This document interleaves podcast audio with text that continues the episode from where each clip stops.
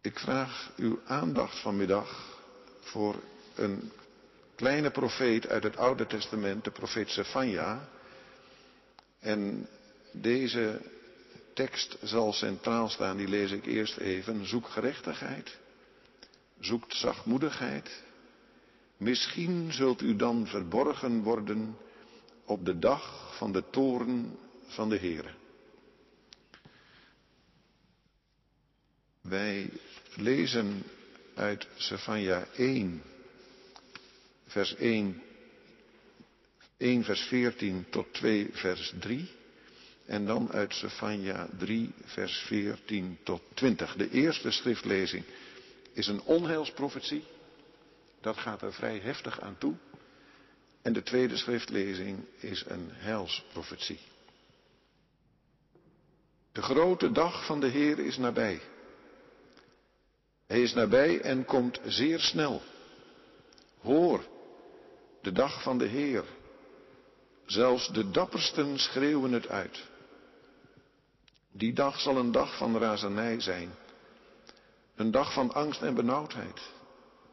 Een dag van rampspoed en onheil. Een dag van duisternis en donkerheid. Een dag van dreigende donkere wolken. Een dag van hoorngeschal en krijsgeschreeuw tegen de vestingsteden en hun hoge torens. Ik zal de mensen angst aanjagen. Ze zullen rondlopen als blinden, want ze hebben tegen de Heer gezondigd. Hun bloed wordt vergoten als was het maar stof. Hun vlees zal tot straatvuil vergaan. Goud noch zilver kan hen redden als de toren van de Heer hen treft. Als het vuur van zijn woede de aarde verteert en hij al haar bewoners een gruwelijk einde bereidt. Kom tot jezelf en kom samen, schaamteloos volk, voordat mijn besluit gestalte krijgt. Een dag verwaait als kaf voordat de brandende toren van de Heer zich tegen je keert. Voordat de dag van de toren van de Heer zich tegen je keert. Zoek de Heer, allen in het land die nederig zijn en naar zijn wetten leven. Zoek rechtvaardigheid, zoek nederigheid. Misschien blijven jullie dan gespaard op de dag van de toren van de Heer. En dan een gedeelte uit de heilsprofetie. Jubel, vrouwen Sion. Zing van vreugde, Israël. Juich met heel je hart, vrouwen Jeruzalem. De Heer heeft het vonnis over jou teniet gedaan en je vijand verdreven. De Heer, de koning van Israël, is in je midden. Je hebt geen kwaad meer te vrezen. Op die dag zal men tegen Jeruzalem zeggen, wees niet bang, Sion, laat de moed niet zinken. De Heer, je God, zal in je midden zijn. Hij is de held die je bevrijdt. Hij zal vol blijdschap zijn, verheugd over jou. In zijn liefde zal hij zwijgen. In zijn vreugde zal hij over je jubelen. Alle treurenden zal ik bijeenbrengen verzamelen wie op je feesten moesten ontbreken. Hun vernedering drukte zwaar op de stad. In die tijd zal ik afrekenen met je verdrukkers, de kreupelen zal ik redden, de verstrooiden bijeenbrengen. En hen die in de hele wereld werden veracht, zal ik met eer en roem overladen. In die tijd breng ik jullie terug. Ik zal jullie verzamelen je zult met eer en roem overladen worden door alle volken op aarde. Met eigen ogen zullen jullie zien hoe ik je lot ten goede keer, zegt de Heer. Gemeente van onze Heer Jezus Christus, die eerste schriftlezing, als je dat zo tot je door laat dringen, dan is dat best een heftige schriftlezing, vindt u niet? Een dag van angst en benauwdheid. Hier wordt de dag van de toren van de Heer afgeschilderd met beelden van verwoesting en vernietiging. In vers 15 staat het Hebreeuwse woord Showa. Voor de vernietiging, een dag van vernietiging. Dat woord, dat weet u, dat werd ook gebruikt, wordt ook gebruikt om de vernietiging van de Joden in de Tweede Wereldoorlog aan te duiden. Wat een verschrikking. Vernietiging. Dan word je bevangen door huiver en benauwdheid. Wellicht hebben teksten als deze ook Mozart en andere muzici geïnspireerd voor het requiem, dies irae, dag der wraken. Een dag van verbolgenheid is die dag, een dag van benauwdheid en angst, een dag van verwoesting en vernietiging. De dag van de toren van de Heer. Nou ja, die thematiek die roept allerlei vragen op. Is Gods toorn werkelijk vernietigend? Hij is toch een God van liefde en genade? En de dag van de toren is dat een soort eindgericht over mens en wereld? Een oordeelsdag aan het einde der dagen? De dag waarop de duisternis aan het licht wordt gebracht? En dan zijn er ook nog groeperingen in de christelijke kerk die die huiver voor die dag gebruiken als een soort drukmiddel om de mensen op te roepen tot bekering. Iedere keer weer de waarschuwing voor het oordeel van God. En anderen hebben het er nauwelijks meer over en beklemtonen dat God liefde is. Is die dag van de toren misschien een primitieve voorstelling uit de tijd van het Oude Testament? Ik dacht het niet. Jezus zelf spreekt over die dag waarop de mensenzoon als een herder de schapen en de bokken zal scheiden. En dan klinken er die harde woorden aan het adres van de onrechtvaardigen. Ga weg van mij, vervloekten, in het eeuwige vuur. Nou, ik ga vanmiddag niet uitvoerig in op de verhouding tussen het Oude en Nieuwe Testament. Ik wil me vooral concentreren op het Oude Testament en met name dan op de toren van God. En gelijk al opmerken dat die toren van God begrensd wordt door zijn goedheid, door zijn goede tierenheid. En dan valt tegelijk ook al licht op dat hoopgevende, misschien, misschien blijven jullie gespaard. Maar nou eerst het Bijbelboek Sefania. God zegt bij monden van Sefania, mens en dier zal ik wegvagen. Ik zal de vogels in de lucht en de vissen in de zee wegvagen. En de struikelblokken samen met de goddelozen. Ja, ik zal de mensen van de aardbodem uitroeien, spreekt de Heer. Daar klinkt een enorme woede in door. Een woede vanwege de slechtheid van de mensen. Het doet denken aan de tijd van de zondvloed. Want en daar staat in Genesis 6, in de tijd van Noach was de aarde verdorven in Gods ogen. En de aarde, staat er dan heel nadrukkelijk, was vol van geweld. En hier opnieuw woede en boosheid. Is dat de woede van God? Is dat de woede van de profeet Sefania? Nou, ik denk van beide. De profeet ziet dingen die niet door de beugel kunnen. De inwoners van Jeruzalem hebben God de rug toegekeerd. En wat ziet hij dan? Afgodendienst, verering van de Baal, invloed van vreemde goden van omringende culturen. Hij ziet de mensen die op de daken van hun huizen neerknielen voor het sterrenleger aan de hemel, de zon en de maan aanbidden. De inwoners van Jeruzalem hebben de gebruiken van de omringende cultuur overgenomen. En ondertussen vereren ze de God van Israël ook nog wel. De mensen knielen neer voor de Heere, zegt de profeet. En zweren hem trouw. En tegelijkertijd knielen ze ook neer voor een Milkom, een uitheemse godheid. En dan zegt de profeet, wee de opstandige, besmette, gewelddadige stad. En het ligt er niet om wat hij zegt. De leiders, zegt hij, zijn brullende leeuwen. De rechters zijn avondwolven die tegen de morgen niets meer te kluiven hebben. Met andere woorden, ze persen de mensen af. En eten dan zelf de boel op en dan zijn ze nog niet klaar ermee of ze denken alweer aan een nieuwe buit. Machtsmisbruik door de sterken en de rijken en ondertussen wordt met het recht een loopje genomen. Beslist geen veilige plek om te wonen en wie arm en onaanzienlijk is, heeft het nakijken. Wanneer hebben deze kritische woorden geklonken?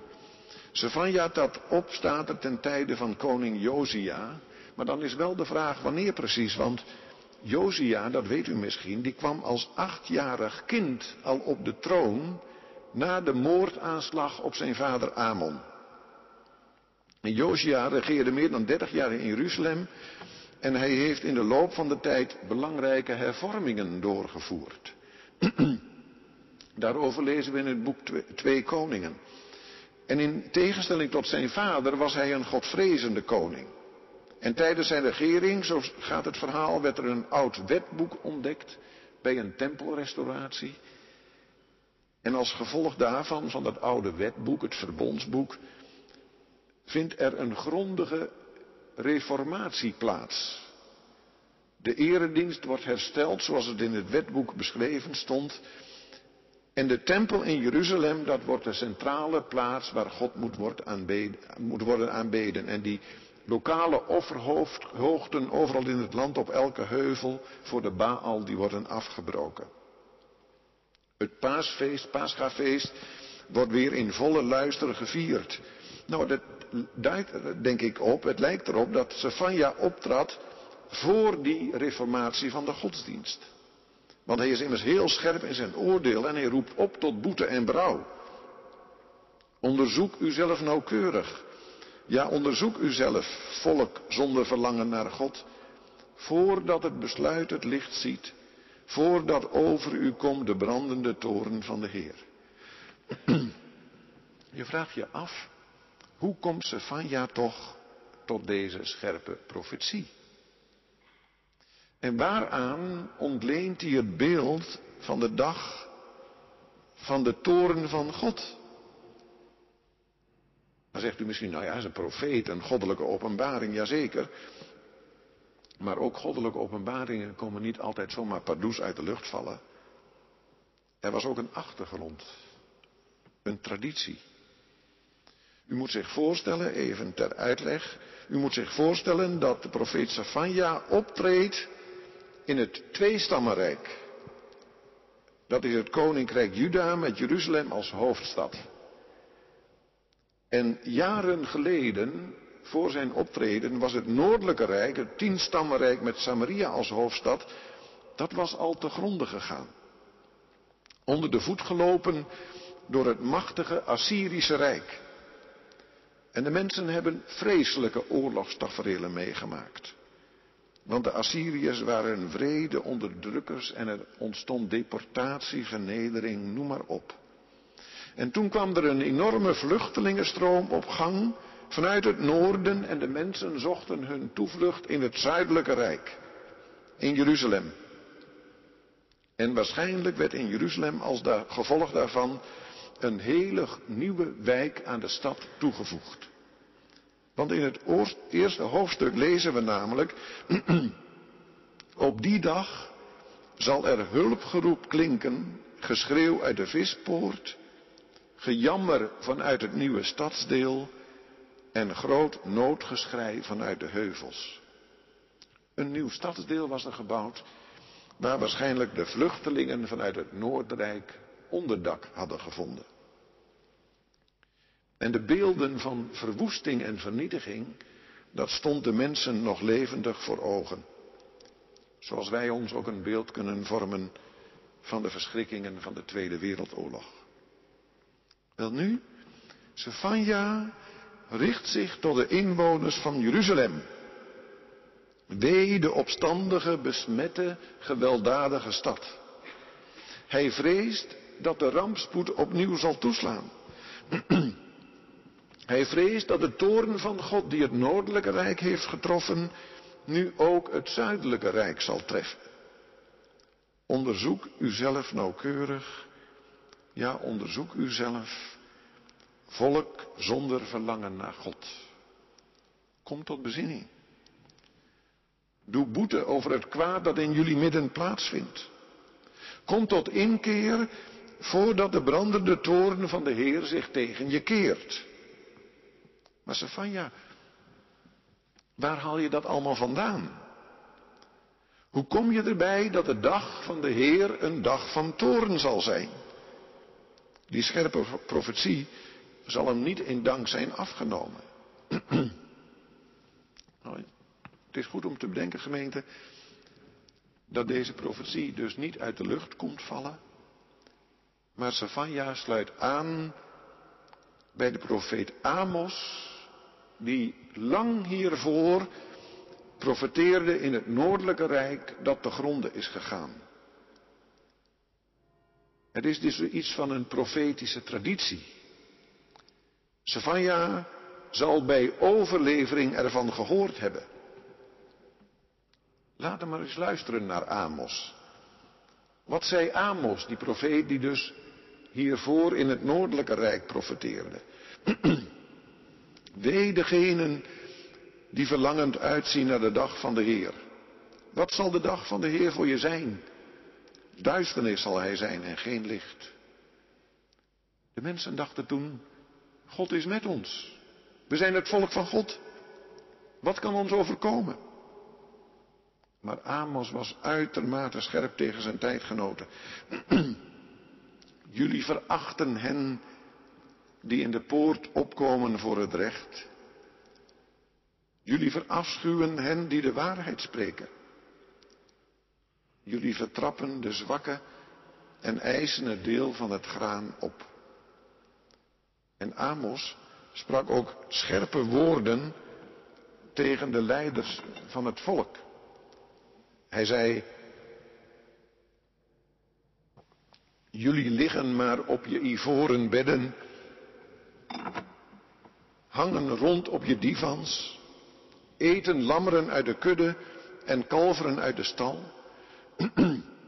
Uit grote schalen drinken jullie wijn, maar om de ondergang van Jozef bekomt u zich niet. Daarom zegt hij tegen de leiders van het volk, gaan jullie als eersten in de ballingschap. Het gefeest en het geluier is voorbij.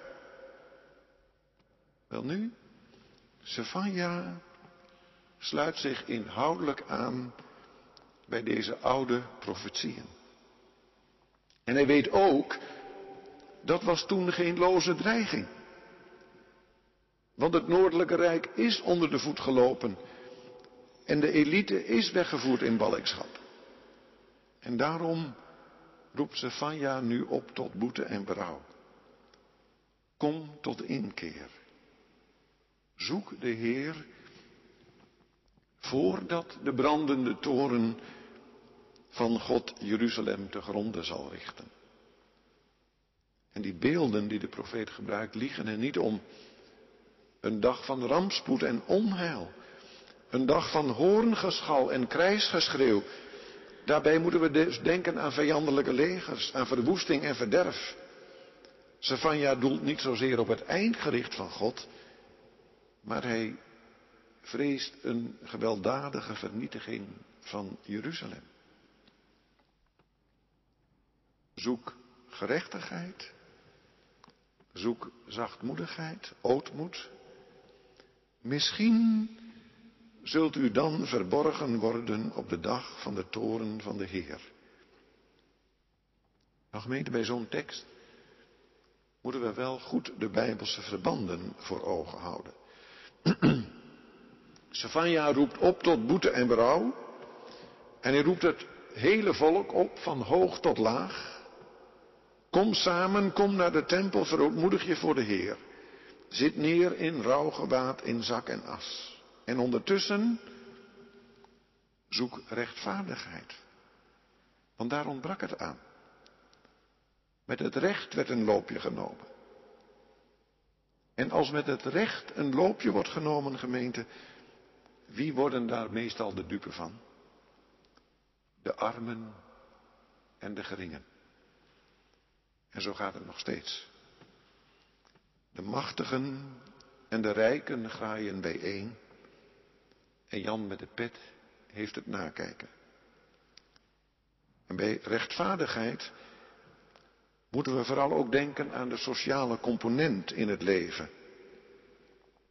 Als zelfverrijking en corruptie in een samenleving de toon aangeven, dan verloedert een samenleving. Zoek nederigheid. Zoek zachtmoedigheid, ootmoed. Nou, dat zijn ook vandaag aan de dag geen populaire begrippen. Ootmoed, het besef dat het leven niet maakbaar is. Dat je wel eens aangewezen kunt zijn op de goedgunstigheid en de hulp van anderen. De leiders die op hun ivoren bedden hun roes uitslapen en de corrupte rechters in de stadspoort, die hadden daar geen enkel benul meer van. Zoek rechtvaardigheid. Zoek nederigheid. In het woord nederigheid in het Oude Testament zit ook het woord voor arme en ellendige.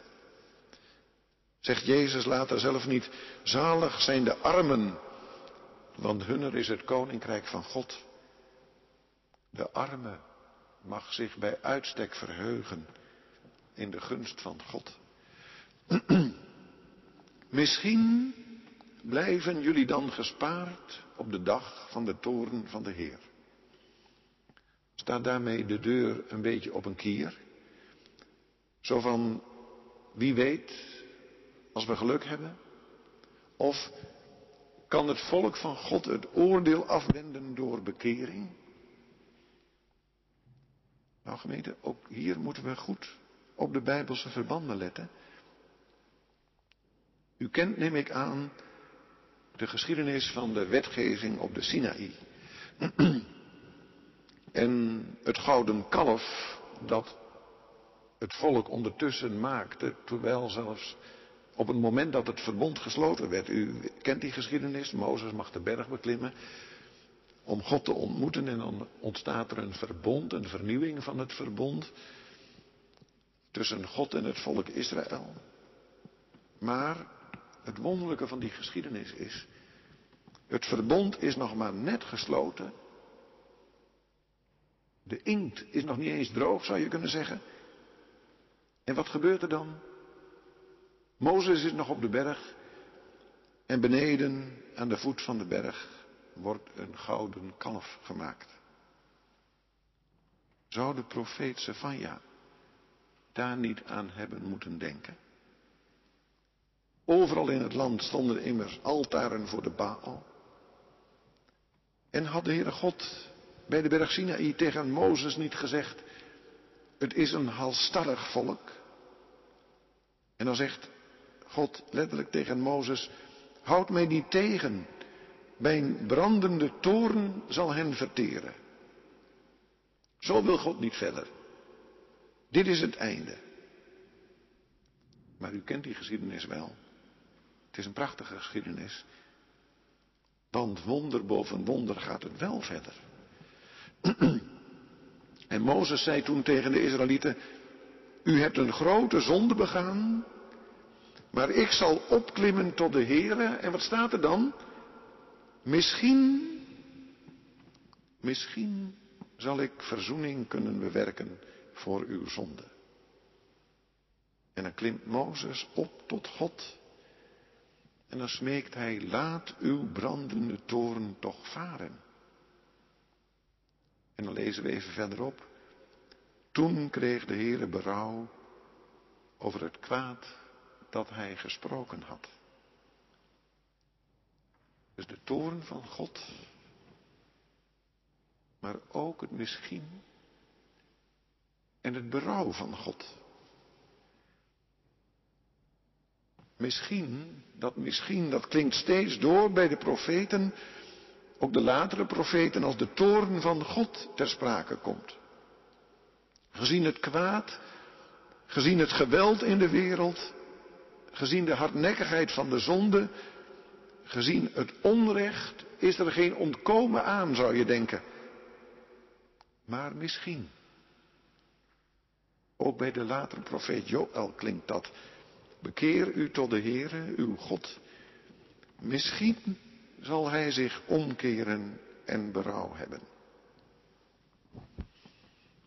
Is de dag van de toren af te wenden?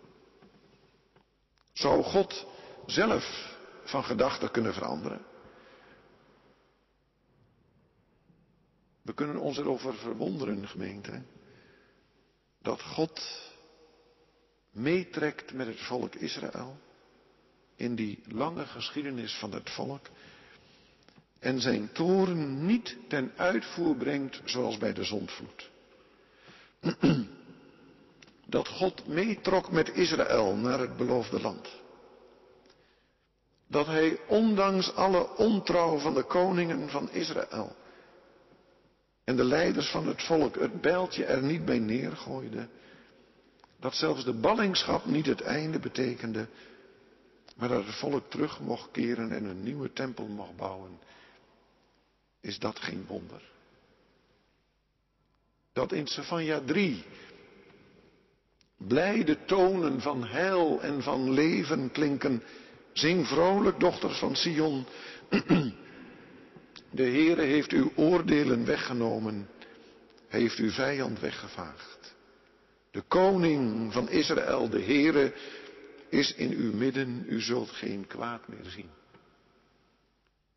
Hoe is het mogelijk? Hoe is het mogelijk?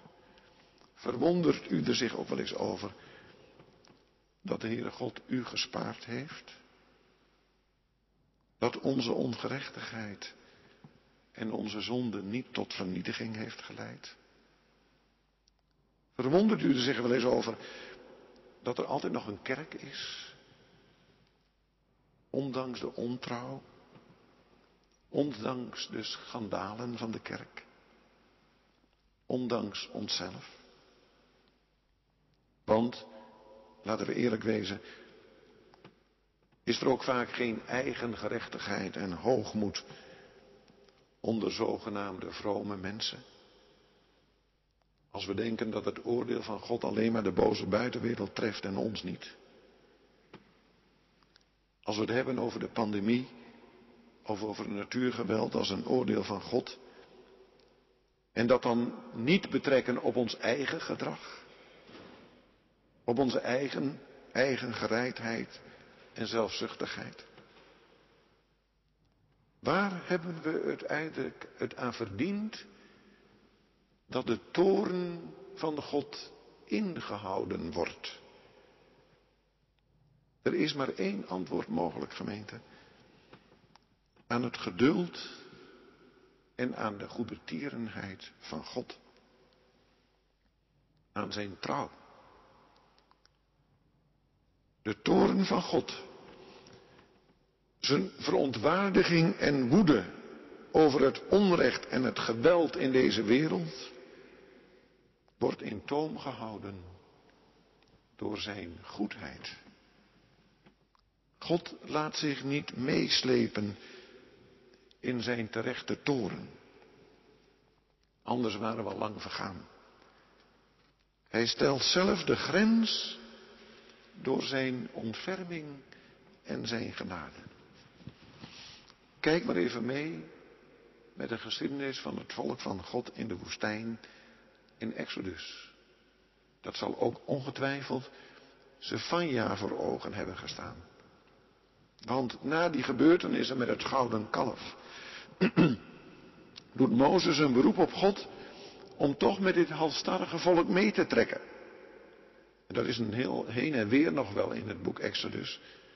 Het is niet vanzelfsprekend, maar op een bepaald moment Laat God zich verbidden en komen er nieuwe stenen tafelen, een nieuw verbond met de tien geboden. En weet u wat er daarna gebeurt? Dat is eigenlijk zo prachtig als je die geschiedenis bekijkt. God daalt dan neer in een wolk en dan openbaart God zich opnieuw aan Mozes en dan roept God zijn eigen naam uit. En hoe klinkt die naam in Exodus 34, vers 6? Wat zegt God van zichzelf? Heere, Heere, dat is de verbondsnaam. Heere, Heere, God, barmhartig en genadig, geduldig en rijk aan goede tierenheid en trouw. Zo zal hij aanwezig zijn te midden van zijn volk. Zefania zegt in het slotdeel van zijn profetie, in zijn heilsprofetie, de Heere uw God is in uw midden een held die verlossen zal. Hij zal zwijgen in zijn liefde. Hoe worden we verborgen op de dag van de toren van God? Alleen vanwege zijn gunst, zijn goedheid, zijn ontferming. God is genadig en barmhartig. En in menig psalm wordt die goedheid van God bezongen. We hebben het gezongen met psalm 30, want een ogenblik duurt zijn toren, maar een leven lang zijn goedgunstigheid. En het refrein van psalm 136, wat we straks gaan zingen, want zijn gunst al onverspreid zal bestaan in eeuwigheid. En zelfs in de klageliederen van Jeremia, en dat was toch werkelijk een dieptepunt in de geschiedenis van Israël, na de verwoesting van Jeruzalem en de deportatie naar Babel, dan zegt de profeet, het is de goede tierenheid van de Heer dat we niet omgekomen zijn, dat zijn barmhartigheid niet is opgehouden. Het geheim gemeente van het verbond het geheim van de verkiezing. Het geheim van het geloof, dat ligt niet in ons. Dat ligt in God. Er is wel geloofsmoed voor nodig om dat te beleiden te midden van de diepste nood. en je kunt je voorstellen dat het Joodse volk ten tijde van de Shoah, de vernietiging in de Tweede Wereldoorlog, amper nog kon geloven in de goede tierenheid van God. Wat een aanvechting. Maar je kunt je ook voorstellen dat de oprichting van de staat Israël werd gezien als een teken van Gods goedheid. Ik ga nu niet in op de verbinding met het, oude, met het Nieuwe Testament, maar ik wil wel even nog nog een tekst noemen die het wel aangeeft in brede zin. Johannes 3, vers 16, een tekst die u allemaal wel kent. Want zo lief heeft God de wereld gehad, dat hij zijn enige geboren zoon gegeven heeft. Opdat een ieder die in hem gelooft niet verloren gaat, maar eeuwig leven heeft. De komst van de gezalfde, van de Messias komt voort uit Gods ontferming. En zo gaat het door in het Nieuwe Testament. Dat de wereld waarin wij leven niet ten onder gaat in de greep van geweld en weddeloosheid. En dat geweld dat komt tegenwoordig zo, zo naar boven in onze samenleving. Maar de wereld niet ten onder gaat daarin. En dat wij mensen niet verloren gaan, dat is te danken aan Gods ontferming, aan zijn barmhartigheid, zijn langmoedigheid. En wie de Bijbel een beetje kent, die hoeft zich niet te verbazen over de rottigheid in deze wereld. En die beseft ook dat wij mensen, of we nou gelovig zijn of niet, zomaar in de greep van het kwaad kunnen komen. En juist in onze maakbare samenleving liggen hoogmoed en arrogantie de mensen na aan het hart. Alsof we overal recht op hebben. Stefania zei, de mannen die zich bezatten op hun divan zeggen in hun hart, de Heere doet geen goed en hij doet geen kwaad. Ten diepste interesseert het er geen lor. Er is geen ontzag voor God. Wat God zegt in zijn woord en door de mond van de profeten, dat laat hen koud. Is het in onze samenleving anders? Is het in ons leven anders? Ook in ons eigen leven vervaagt de stem van God zo snel als het maar kan. En toch, gemeente, en daarom zijn we in de kerk, klinken er woorden van heil. Er wordt namelijk een weg gebaand door het oordeel heen. De verwoesting en de vernietiging hebben niet het laatste woord. God blijft trouw aan zijn belofte, aan zijn verbond. Hij blijft ook trouw aan zijn schepping. Aan de horizon verschijnt een nieuwe toekomst. Ik zal verlossen wie mank gaan, bijeenbrengen wie verdreven is. Tegen Jeruzalem zal op die dag gezegd worden, wees niet bevreesd Sion, verlies de moed niet. Gemeente, wie beseft dat Gods toorn in toom gehouden wordt door zijn eigen goedertierenheid en ontferming, die zal hoopvol en verwachtingsvol in het leven staan. Niet omdat het met deze wereld en met ons mensen wel meevalt, maar omdat God zijn welbehagen uitvoert. En wat staat ons dan ondertussen te doen?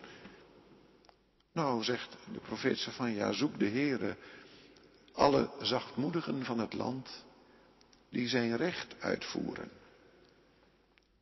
Kortom, streef naar gerechtigheid en zachtmoedigheid.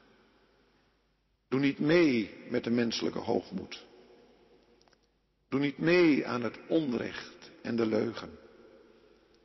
Vertrouw op de Heer en volhard daarin. Naar de maatstaf van de wereld valt daar niet veel eer aan te behalen. De mensen zullen niet in drommen staan te juichen om de grote daden die je in dit opzicht hebt verricht. Maar bij monden van Sefania zegt God, toch zal ik in uw midden doen overblijven een arm en ellendig volk. Zij zullen op de naam van de Heer vertrouwen. In het Oude Testament wordt de rechtvaardige vaak voorgesteld als een arme, een arme die zelf weinig in handen heeft, maar daardoor juist geleerd heeft om op God te vertrouwen. En met die woorden van Psalm 40 wil ik afsluiten. Ik ben wel ellendig en arm, maar de Heer denkt aan mij. Amen.